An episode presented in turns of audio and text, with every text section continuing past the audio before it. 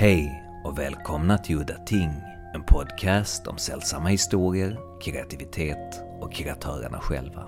Mitt namn är Henrik Möller, musiken är skapad av Testbild och loggan till podden är gjord av Malmökonstnären Nalle Chinsky.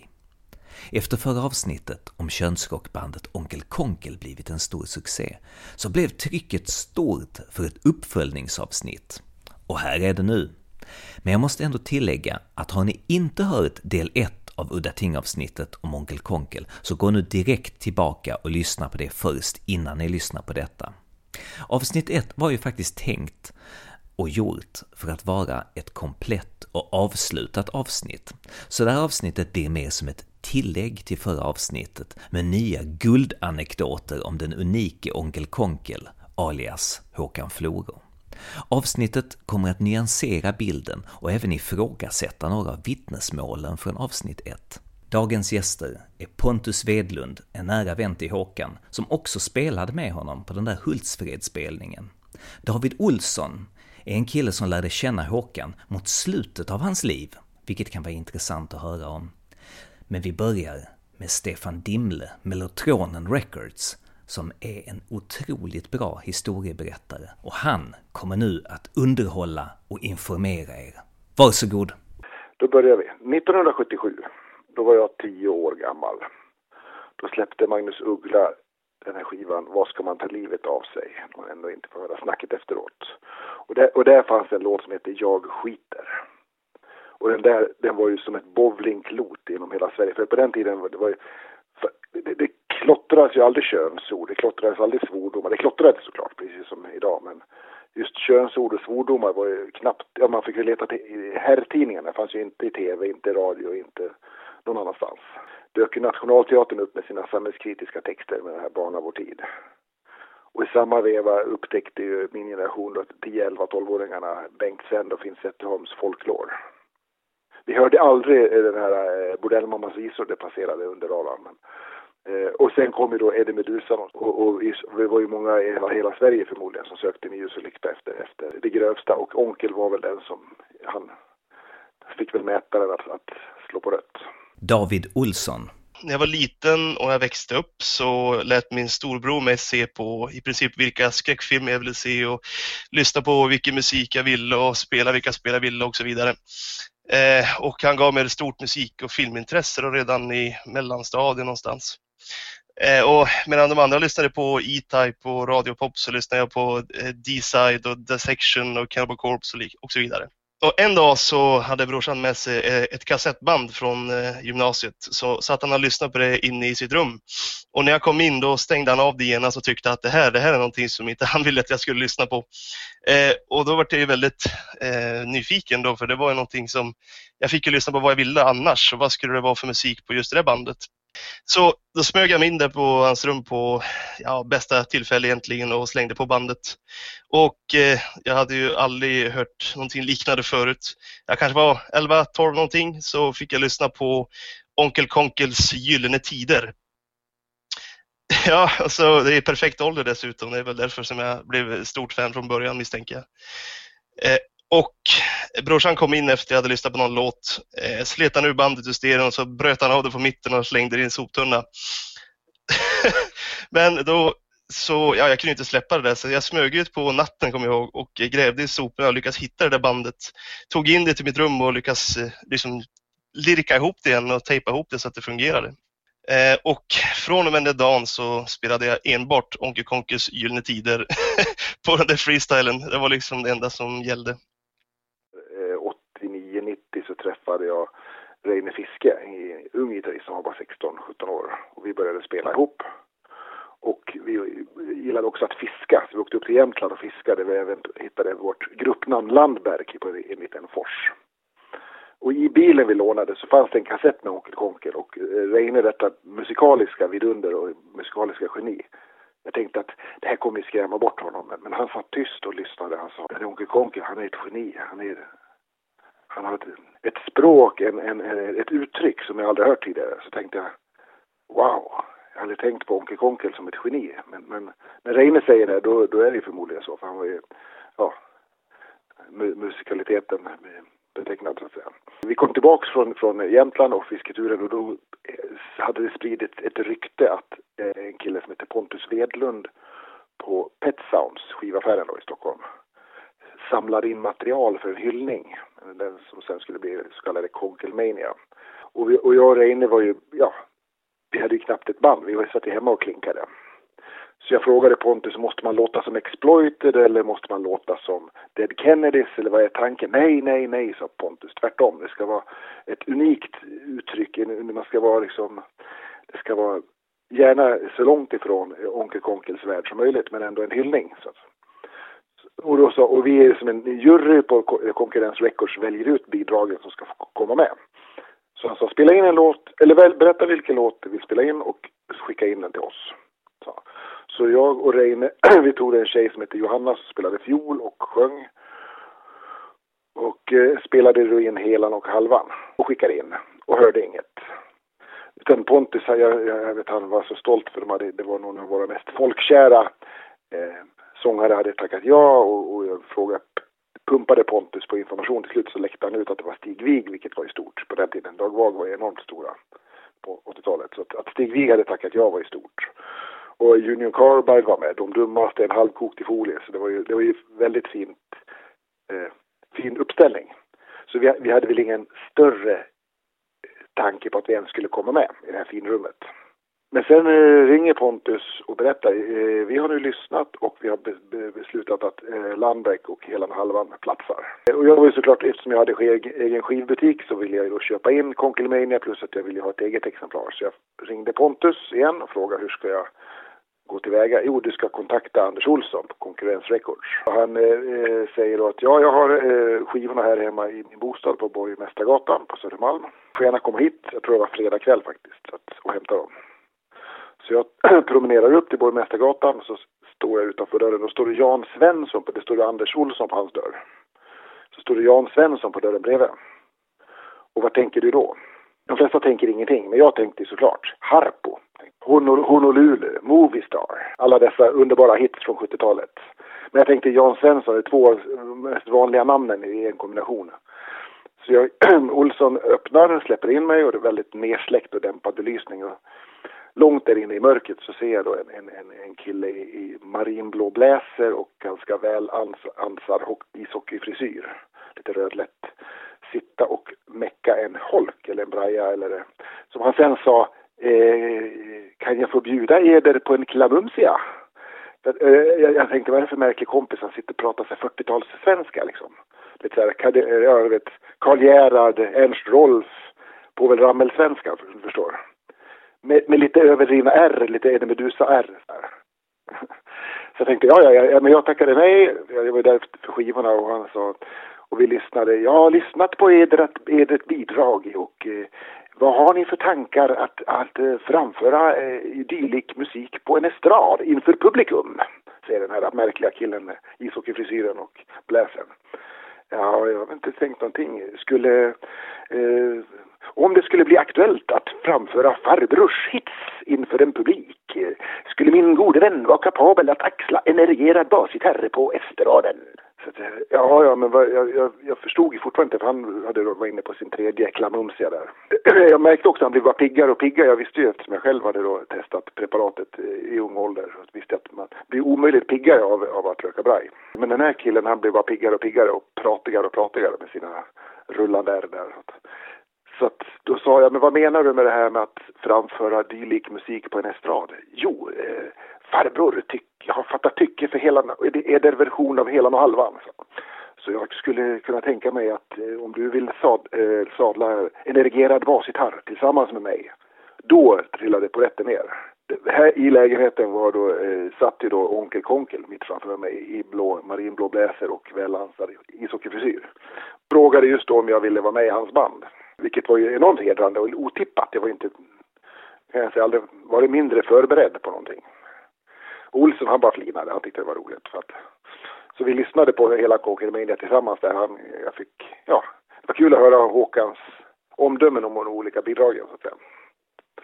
Uh, sen gick jag hem glad i hågen och tänkte att det här låter fantastiskt. Sen tog det ett år tror jag nästan.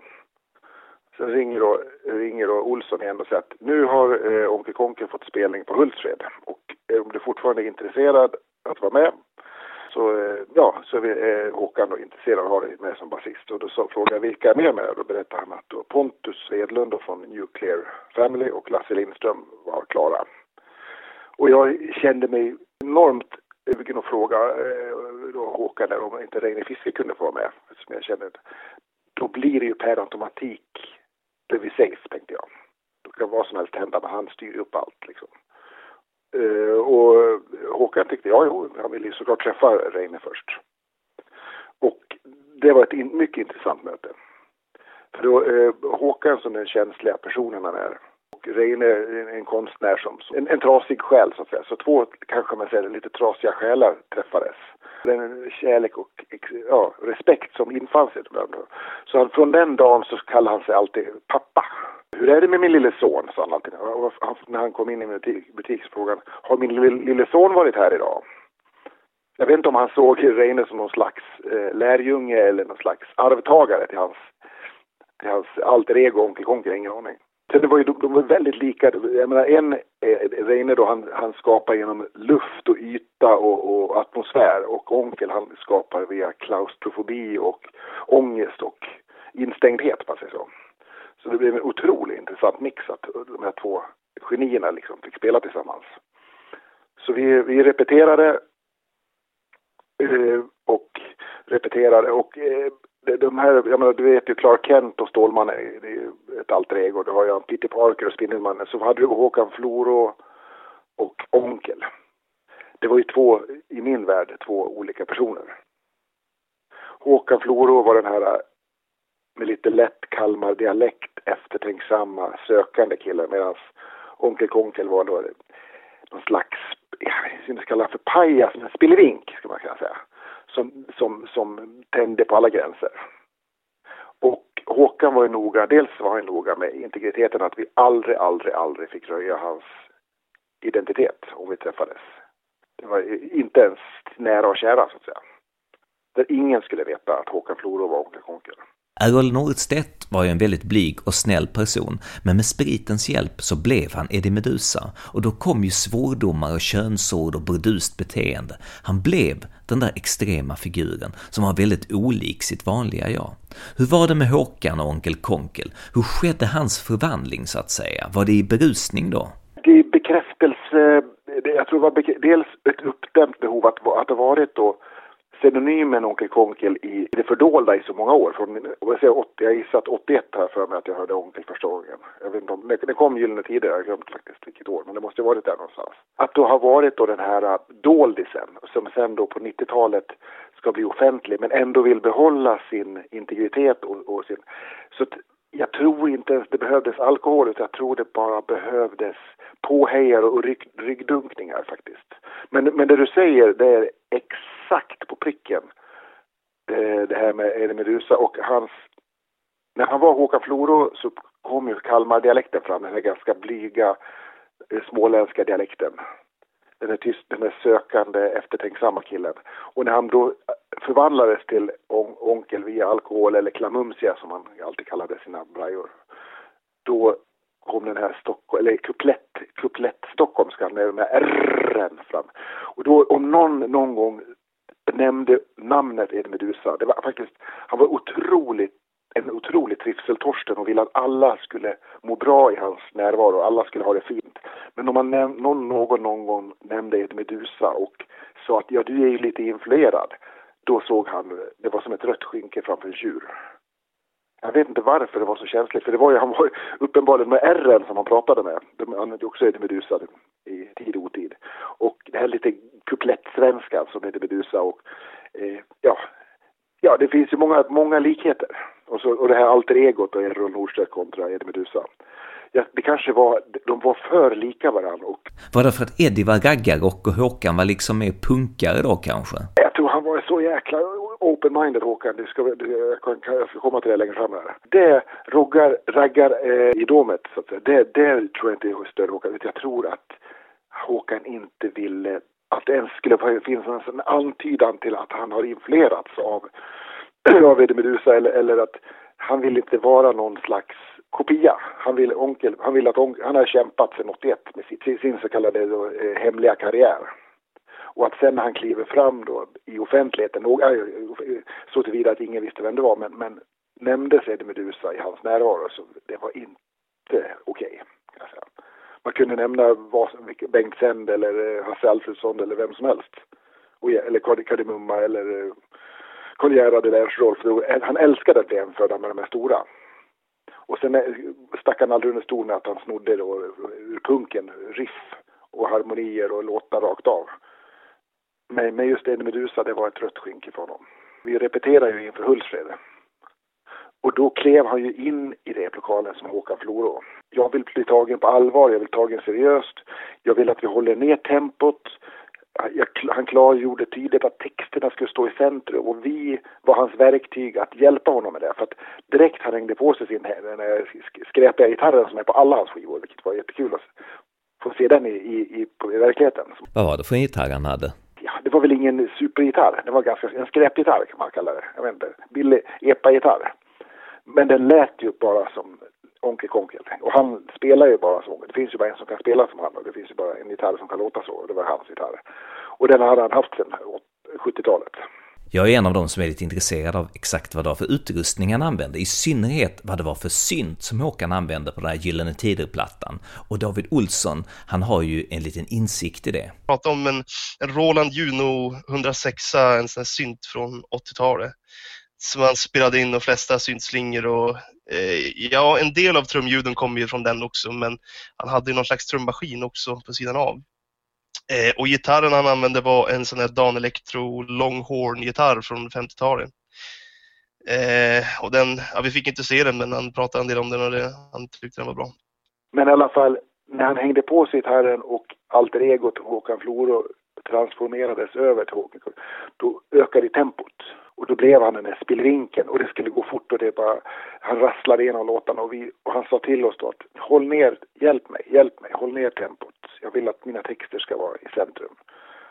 Jag vill att folk, han skulle kunna spela dem i, i valstakt eller i, ja, ultrarapid, om du förstår. Bara texterna gick fram.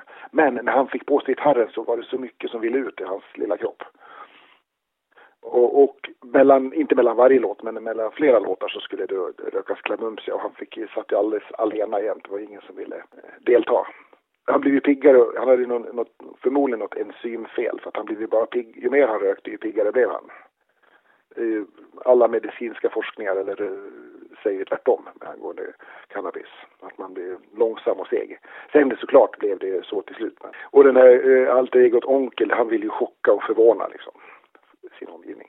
Och de där två, de där två alter egorna, det var svårt för honom ibland att hålla isär. Jag kan tänka mig att Eddie Meduza eller Errol Nordstedt hade samma problem. Den jag träffade hemma hos Anders Olsson, det var ju då Onkel Konkel, för han visste att nu kommer in en kille som är med på min hyllningsskiva. Så då satt Onkel Konkel där i, i marinblå bläser och, och ishockeyfrisyr och, och meckade en holk.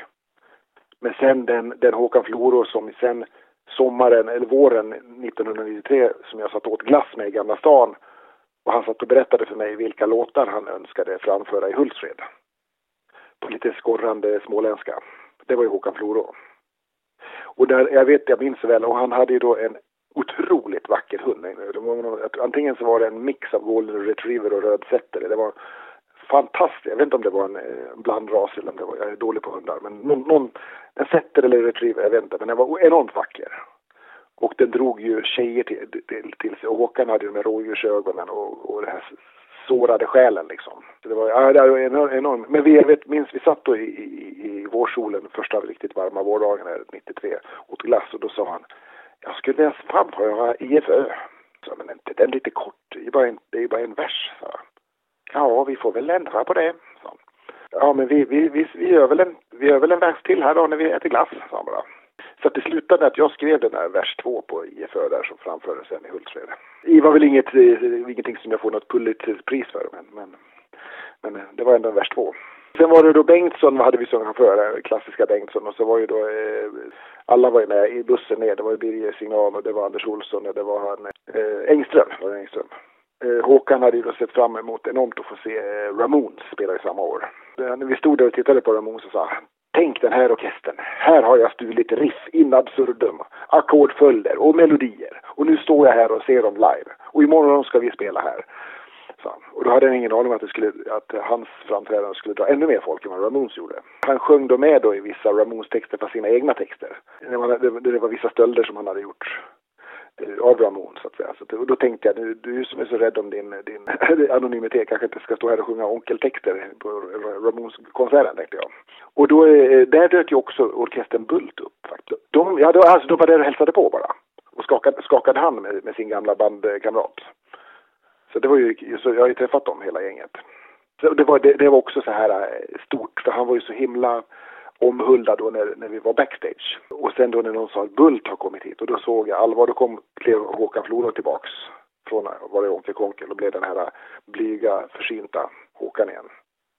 Det var också ett, ett rörande möte, för han hade ju inte träffat dem sen då kanske 79-80 kanske. Jag hörde också av en person att eh, när eh, Håkan spelade in i studio då till sina skivor så var det Bultmedlemmar som var med på skivorna så att eh, du säger att han inte hade träffat dem sedan 70-talet. Han var ju expert på att återanvända saker det var ju en, jag ska inte säga miljökämpe inom musik, men han var, om du förstår, han, det fanns ju ingenting som var heligt så att säga. Så jag kan väl tänka mig att han tog gamla Bulte-demos som han använde i eget syfte sen, utan att fråga dem så att säga. Jag tror inte de heller brydde sig kanske så nämnvärt, men de fick ju en liten, några minutes of fame där, i och med att de hamnade på onkelskivorna ofrivilligt. På eh, spelningen en kille från Göteborg, eller, som heter Kurt, Eh, också en spillvink. Ja just det, Kurt, honom pratade vi om i det förra avsnittet. Det var ju den här killen som de eh, outade på scen och påstod att han hade down syndrom. Eh, men eh, alltså jag har ju sett lite bilder, nu, nu var jag inte jag där, jag vet ingenting egentligen, men jag har sett foton på Kurt från den spelningen och på bilderna så kan man ju ganska tydligt se att han hade ju inte down syndrom. Jag vet inte, det var snack innan Kurt kom in i bilden så skulle det vara någon som hade eh, sugit av Leif Loket Olsson skulle vara med på scenen också, någon kille.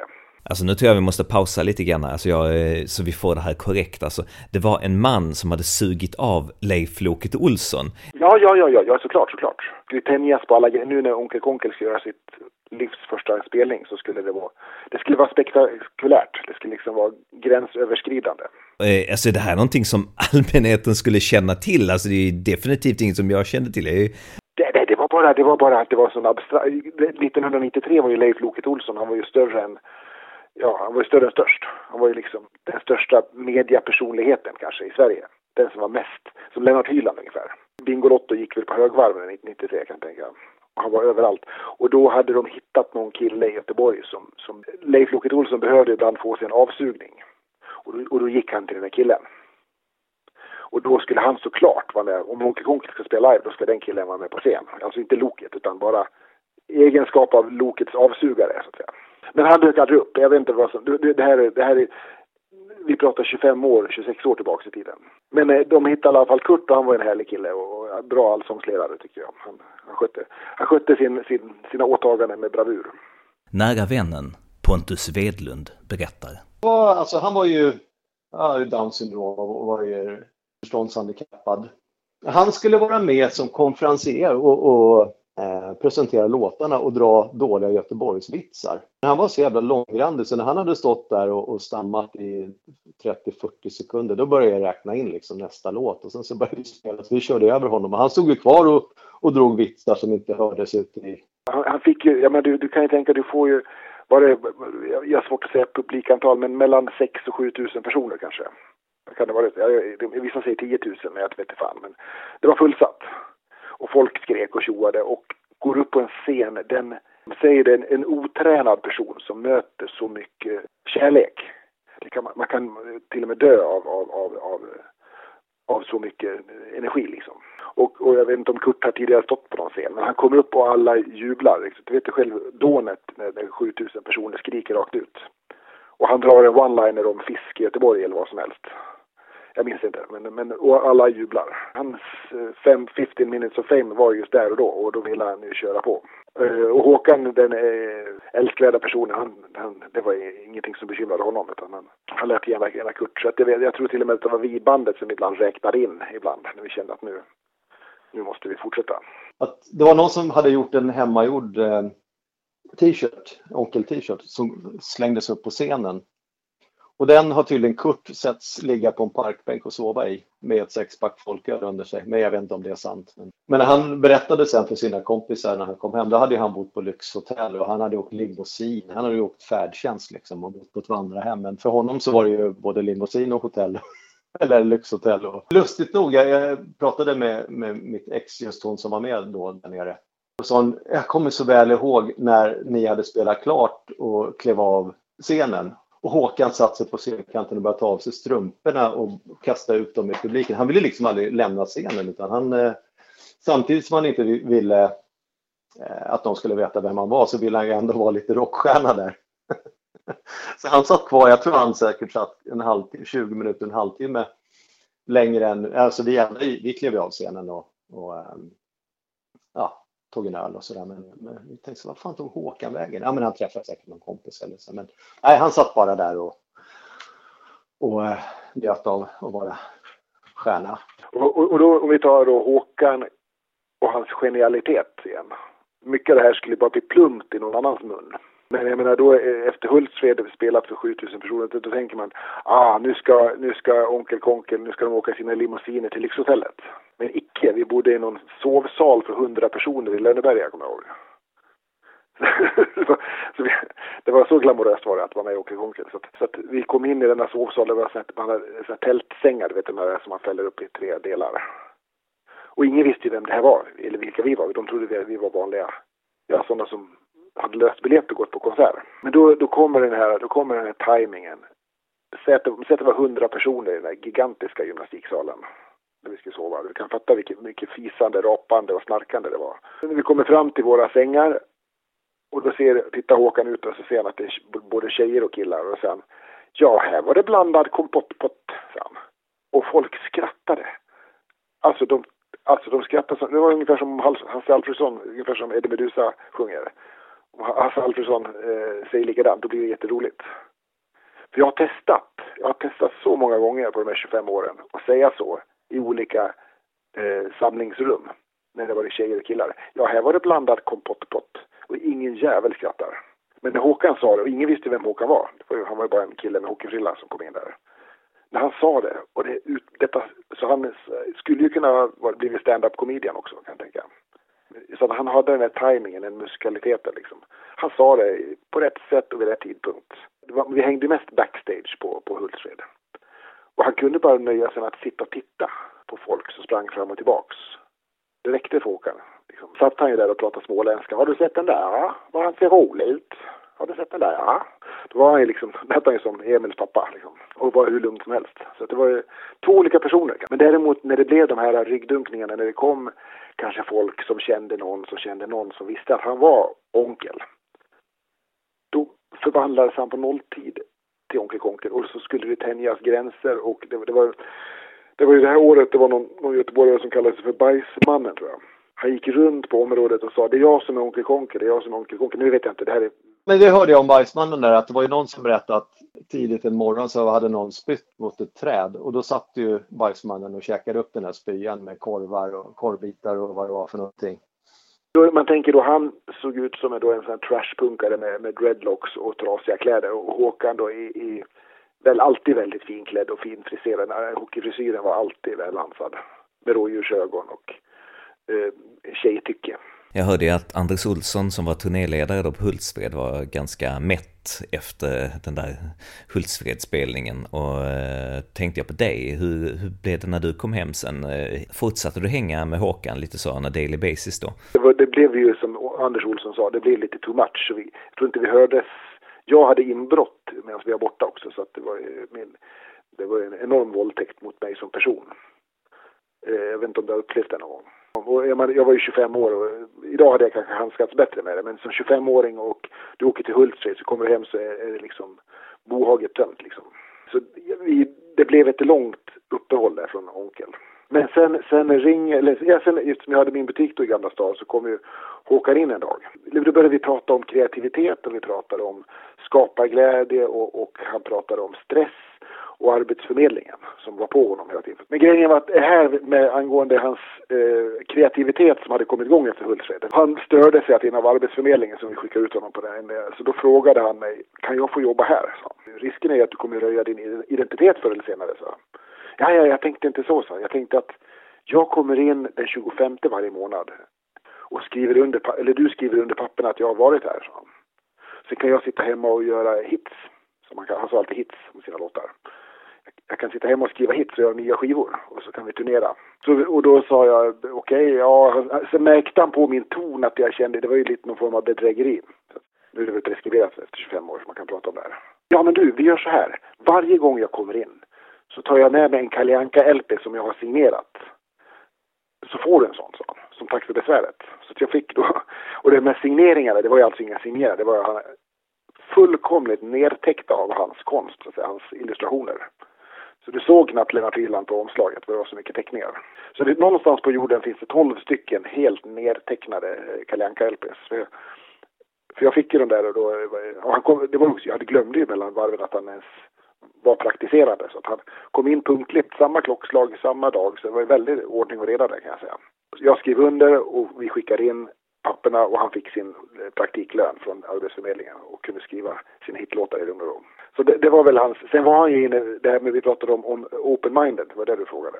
Eller så här är det, vi, vi, det här bandet Landbeck som vi hade, han kom alltid på våra spelningar. Och då tänkte jag så här, vad får han ut av det här, tänkte jag.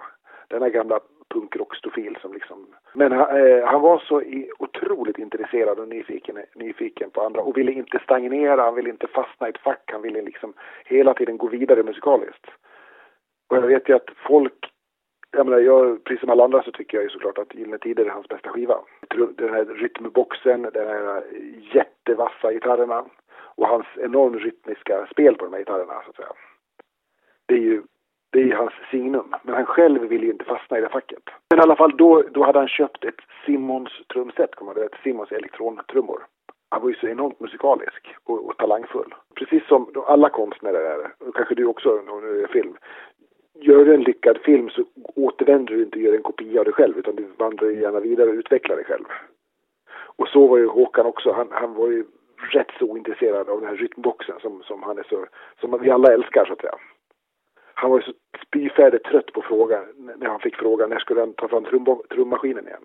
Richard Blackmore hade ett band som hette Rainbow en gång igen på 70-talet. Och de gjorde en platta som hette Rising, Rainbow Rising, jag vet inte om du känner till den. Men den gick in absurdum i Farsta på hög volym. Jag kan tänka att hans gran, grannar måste vara helt galna. Samma skiva om och om igen och han spelade till. Och så ringde han mig. Nu må, Stefan, nu får du komma ut och lyssna. Jag tror jag har satt varenda trumfill. Så då åkte jag ut till eh, Farsta och han spelade den här Rainbow Rising på full volym. Och spelade med då. Exakt som trummisen spelade. Så det här kan man säga förstörde väl lite hans eget signum. För han spelar ju eh, själv trummorna på, på de här senare skivorna. Det var ju mindre och mindre de, de trummaskiner som är det när han återanvände gamla låtar. Så han blev ju tekniskt sett bättre hela tiden. Och gick längre och längre ifrån sitt... Om du, du går in på, du går in på på McDonalds och beställer en Big Mac. Då förväntar du att du får en Big Mac, men skulle du få en konjaksflamberad fjällripa så blir det konstigt. Och det var väl lite så onkel, han, han, när du köper en Onkel Konkel-skiva så vill du ha, då vill du ha hela och halvan och, och smek med guran ungefär. Men istället så fick du en, en, en trumvirtuos som spelade enormt skickligt. Och alltid fråga, det var så otroligt, vilka är det här? Vilka som spelar? Vad, vad, vad, vad kallas det här? Vad är det för genre?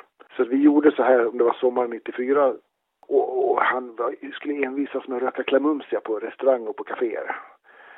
Det var ju så viktigt för honom. Då, då var den här, det var den här gränsen mellan Håkan och onkel igen. Att han ville tänja gränser och jag, sa till honom en dag så här, det var otroligt fint väder. Du, nu är det jazzfestival på Skeppsholmen, ska vi ta en picknickkorg och en filt och gå ut och sätta oss? Ja, ja, jag tar med mig klamumsia, sa han direkt. För jag vet att vi hade lyssnat på Jon Hassel någon gång och han tyckte att det här är flummigt, det här ska man röka klamumsia till. Så, det var, så han och lilla boven kom. Så vi satt där och lyssnade på, jag vet, minns inte vad det var för band, men vi, vi satt, gick, gick aldrig in på festivalen utan vi satt utanför. Och han sa så här, det här tycker farbror är livskvalitet, kommer jag ihåg han sa.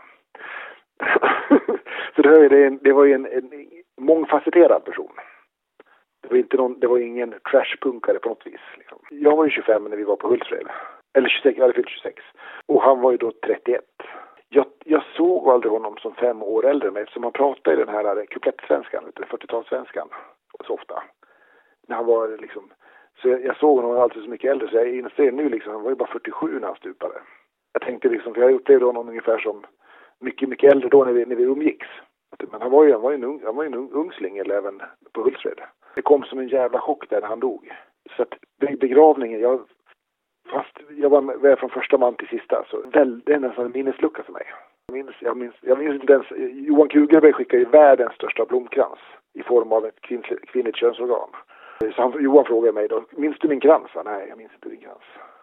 Pontus, du som ändå kände honom ganska väl, får jag lov att säga. Hans kollegor som inte kände honom sådär jätteväl, de vittnar ju om spritfester och extremt beteende och eh, att han mer eller mindre var alkoholist som hade delirium. Han var inte så jämt, han var inte som en alkoholist som, som eh, han, han behöver inte dricka jämt. Det när han och jag umgicks, jag vet inte, jag var ju några år äldre än honom, jag vet inte om det har med saken att göra, men nej, men vi var väl ganska civiliserade. Ja, det var väl den här julen när han var här och det var väl inte så civiliserat. Men... Alltså den där julfesten, den har jag ju hört ryktas om. Vi var ute dagen innan, den 23 december, och söp och var liksom på alla, ja, jag vet inte hur många ställen vi var på, jag minns inte ens var vi var för att vi var så jävla fulla.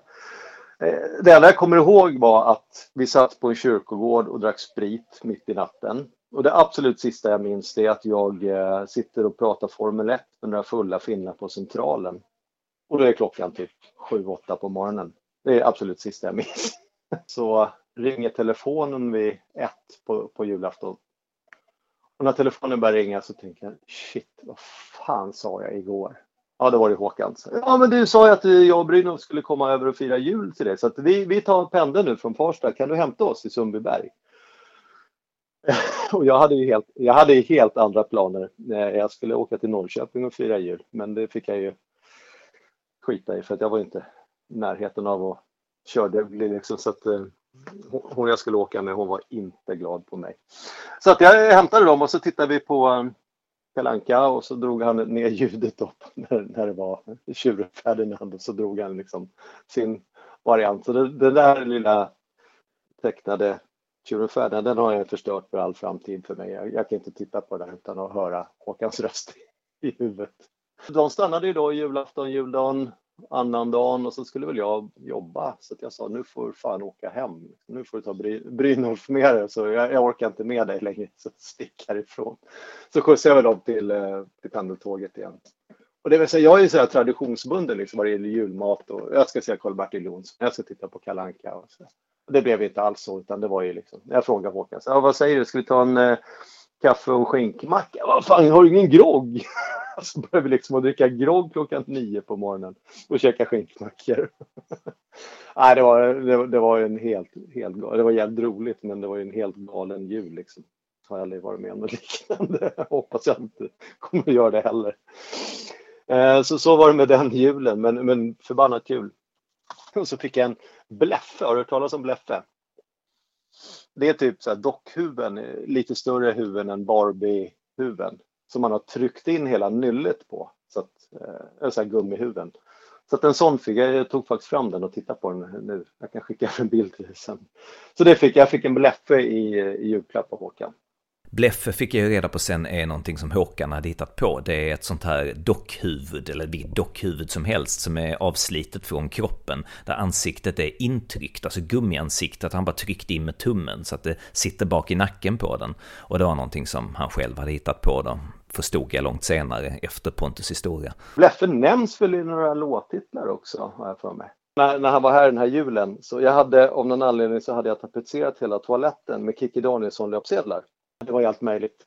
Kikki tröst äter falukorv på behandlingshemmet och ja, men bara så här riktigt dumma. Eh, Kikki är beroende av valspäck och allt vad det var. Och det där tyckte Håkan var fantastiskt, de där affischerna. Jag sitter väl hemma en lördagkväll själv och så, så ringer telefonen så är det Håkan. Och så. Tja Håkan! Eh, vad gör du? Kom hit, jag är på trål. Så, Jaha, men klockan är liksom ett på natten. Så, ja, men Kikki Danielsson sitter bredvid mig. Hon vill träffa dig. Och hade han ringt några timmar tidigare så hade jag ju självklart åkt dit. Då, för det, det, jag visste inte då att det var sista gången jag skulle prata med Håkan. Men ehm, ehm, äh, ja, han tyckte absolut, han hade berättat om, om mig för Kikki att jag hade. Jag tror inte hon var jättesmickrad faktiskt. Men eh, det var sista gången. Ja, den där, den där löpsedeln, de, de ligger Håkan. Så han var inne på toaletten ganska många gånger den där julen och läste. Nu är det dags för David Olsson att berätta om hur han lärde känna Håkan Florå den där sista tiden, 2009. Sista tiden i Håkans liv. Eh, om vi hoppar fram ett gäng år så eh, blev jag bekant med eh, bandmedlemmar i Kristet utseende. Och eh, vid något tillfälle så frågade jag och några vänner på någon fest eh, om han visste vem Åge Konkel var. För vi tänkte, han har ju ändå, alltså de har ju ändå åkt runt och turnerat rätt mycket och hade ju rätt mycket kontakter med studiemusiker och, och så vidare. Och så vidare. Och eh, så visade det sig att han visste ju precis vem det var. Han kände han nog inte personligen, det tror jag inte, men han visste att han hette Per Håkan Ingvar Florå och bodde i Farsta, så det var ju ganska specifikt. Eh, och någon gång i maj 2009 eh, så var några av mina vänner i Stockholm på en fest. Och jag var inte med den här gången. Eh, efter ett gäng öl så fick de mig att testa och, och hitta Håkan då på eniro.se. Och i Farsta fanns det ju bara en som hette just Per Håkan Ingvar Florå. Så att, ja, de bestämde sig helt enkelt för att åka dit. Så tog de med sig bongotrummor, starköl och ett gott humör och satte sig på gatan utanför lägenheten där. Och började sjunga Onkel Konkel-låtar, dricka öl och eh, spelade såklart på sina bongotrummor. Eh, och efter ett bra tag så öppnades fönstret på översta våningen i hyreshuset. Och så var det en man som stack ut sitt, ja man kan beskriva det som, han var rödhårig, röd, han hade färgat håret rött och så gråspräckligt eh, så helskägg. Eh, och satt han där och lyssnade utan att säga ett ord. Han presenterade sig inte eller något, han bara satt och, och avnjöt konserten. Han verkar vara mäkta imponerad men även förvånad över, vad de, alltså över själva spektaklet där nere.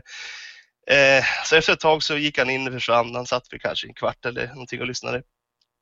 Och så plötsligt dyker han upp igen och så kastar han ut en LP-skiva från fönstret och sen smiter han in igen och eh, stänger fönstret. Och den där skivan, det visar sig vara Håkans privata exemplar av eh, originalreleasen på Kalanka Sugepung-LPn. Och det vart ju som, som du förstår en ganska stor succé den kvällen och eh, mina vänner bestämde sig för att åka hem igen. Eh, och brorsan skulle fylla 30 där precis, ja, par, par veckor efteråt. Eh, och då fick han den i 30-årspresent och det tror jag inte han har smält Den sitter på hans vägg, han är väldigt stolt över den. Eh, han, har ju även, han är ju ganska stort Konkel-fan själv. Han har ju skaffat Onkel Konkel-tatuering och grejer. Så. Ja, och när de kom hem igen så berättade de den här, ja, det här fantastiska äventyret så blev jag ju lite avundsjuk och tyckte att eh, ja, nästa gång ni skulle till Stockholm då skulle jag också vilja följa med. Då blev det så att några veckor senare så skulle vi åka dit. Men då var tanken redan från början att vi skulle åka och, och köra en till konsert för Onkel Konkel utanför hans fönster för att se om han skulle komma dit. Då. Eh, men när vi väl kom dit så såg vi att det var släckt i lägenheten och porten var låst. Eh, vi satt där utanför ett tag och tänkte, ja, vad ska vi hitta på nu då? Men eh, plötsligt så kom det, det var någon som bodde där som gick ut. Så då passade vi på att gå in för vi tänkte att jag skulle lämna ett exemplar av en, en skiva som jag hade gjort eh, i, i brevlådan tänkte jag. Eh, kom upp på översta våningen och eh, såg på ytterdörren så stod det ju Håkan Florå och Brynolf. Och så hängde det ett litet metallsmycke har jag för mig som var format som Onkel Konkel dödskallen i en liten kätting som hängde på brevlådan. Eller på postfacket. Då. Eh, vi knackade på men det var ingen som öppnade så tänkte vi att vi skulle gå hem. Men eh, då öppnade sig granndörren. Troligtvis undrar de väl vad det var för liv i trapphuset skulle jag tro. Så vi presenterade oss och sa vilka vi var och den här personen, han verkar vara en god vän till Håkan. Han sa att han tyvärr inte var hemma just nu men han tyckte det var väldigt roligt att vi åkte dit för att eh, träffa honom. Och han hade ju lite anekdoter och han berättade att de brukade festa tillsammans ganska ofta och de hade även firat, eh, de brukar kalla det för vit jul tillsammans. Eh, jag misstänker att det är ett slang för, ja, man får väl dra egna slutsatser. Eh, han var väldigt pratsam och glad och hade som sagt lite anekdoter. Och, eh, hans favoritband var en halvkokt i folie, kommer jag ihåg att han sa. Han spelade själv i något sånt där lite halvobskyrt punkband, men jag kommer inte ihåg vad de hette. Det, som sagt, det var tio år sedan. eh, vi stod där i trapphuset och så drack vi öl tillsammans och efter en stund så fick han en idé, en idé och tyckte att ja, jag ska bara hämta jackan, ska jag visa er en sak. Så då följde vi med han ut och så gick vi till en närliggande lekpark som låg en liten bit därifrån i Farsta. Eh, och vid den där lekparken fanns det ett eh, skogsområde med en jättelik sten. Och den där stenen var formad som ett jättelikt ollon. Och eh, eh, han berättade att eh, det var Håkans, han tyckte det var det absolut bästa med att bo i Farsta, det var att världens största olla fanns där. Vi fortsatte i alla fall att festa där och eh, följde med grannen hem igen och klockan hade nu blivit väldigt sent på natten. Eh, så vi var fulla och trötta och insåg att vi inte skulle orka ta oss hem igen. Så då fick någon av oss den briljanta idén att vi skulle sova i cykelförrådet i källaren där nedanför, ja, man kunde gå ner i källaren i, i trapphuset. Så sov jag i en skottkärra, de andra sov på några betongsäckar och tidigt på morgonen efter så åkte vi därifrån. Men grannen där då, den höll, höll vi lite kontakt med för han var en jäkligt eh, rolig och trevlig prick. Eh, och kanske en månad senare, någon gång i juli 2009, så fick vi reda på att grannen skulle ha fest. Ja, jag pratade med honom så sa han det. Och eh, just den där sommaren hade jag suttit och gjort en, en helt egen Onkel Konkel coverskiva som jag tog med mig dit. Eh, och så åkte vi till Farsta för en tredje gång och eh, kom fram på kvällskvisten någon gång. Vi hade med oss akustisk gitarr och ännu mer öl eh, och ett gäng exemplar av den skivan. Eh, kommer vi in i lägenheten och hälsar på den grannen och hans eh, flickvän och står i hallen och småpratar lite och efter en, en, stund så sa han att ja, ni borde gå ut på inglasade balkongen och hälsa på, ja, det var en tredje person som var där. Så gick vi dit och där satt ju Mr Håkan Floro ute vid eh, ett glasbord. Eh, han hade fortfarande sitt, sitt rödfärgade hår och gråstubbiga helskägg. Jeansjacka kommer jag ihåg. Han hade ingen t-shirt under utan en halvuppknäppt sån här jeansjacka. Eh, hade upprullade ärmar och så hade han sån här kamouflage eh, militärbyxor på sig. jag kommer ihåg att jag blev ju väldigt eh, som starstruck och eh, jag gick fram och skakade hand till honom och vi förklarade att vi var stora fans av hans musik och så. Eh, jag gav han eh, min egna coverskiva som jag hade gjort det är väl ungefär 15 Åke Konke-låtar som jag spelar både gitarr och bas och sjöng och allting på. Han skrattade otroligt länge när han såg utsidan på eh, skivan som står, det är en photoshopad bild av Adolf Hitler som har analsex med Josef Goebbels.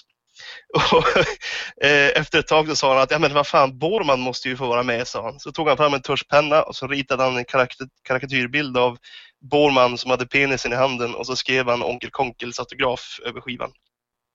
Så det känns jävligt mäktigt att ha ett exemplar hemma av en, e- en coverskiva som jag gjort själv då, med bara Onkel Konke-låtar med hans både bild och autograf på. Eh, efter det slängde vi på skivan och så satt vi och hade allsång och eh, drack en massa öl och eh, pratade igenom texter på låtar som han har gjort och han hjälpte oss och eh, vad tänkte jag säga, en del, han har en del svårtydda låttexter, svårt att höra vad han sjunger och så.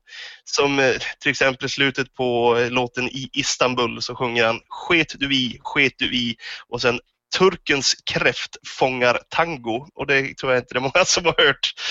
Eh, han var också väldigt tydlig och säger att han aldrig någonsin har sjungit Hylands hörna utan han har alltid sjungit Hylands höna oh, jag vet inte om det var något han tyckte det var roligt i alla fall. Så det hörs ganska tydligt i efterhand om man lyssnar på som tio små stjärtgossar eller vilken låt som helst så hör man att han sjunger Hylands höna. Ja, det var en speciell karaktär. Eh, han sa även att någon gång på 80-talet så jobbade han i receptionen på något sjukhus och eh, en dag fick han en lista med överskriften könssjukdomar hos homosexuella män. Och den där listan var i punktform, så det var diverse sjukdomar och så på sidan av så var det deras symptom. Eh, och samma dag när han kom hem så skrev han ihop låten med samma titel. Han sa även att eh, karaktärerna för det mesta så är det ju namedrop från eh, kända människor och eh, alltså som man väldigt ofta, som man själv gillar då.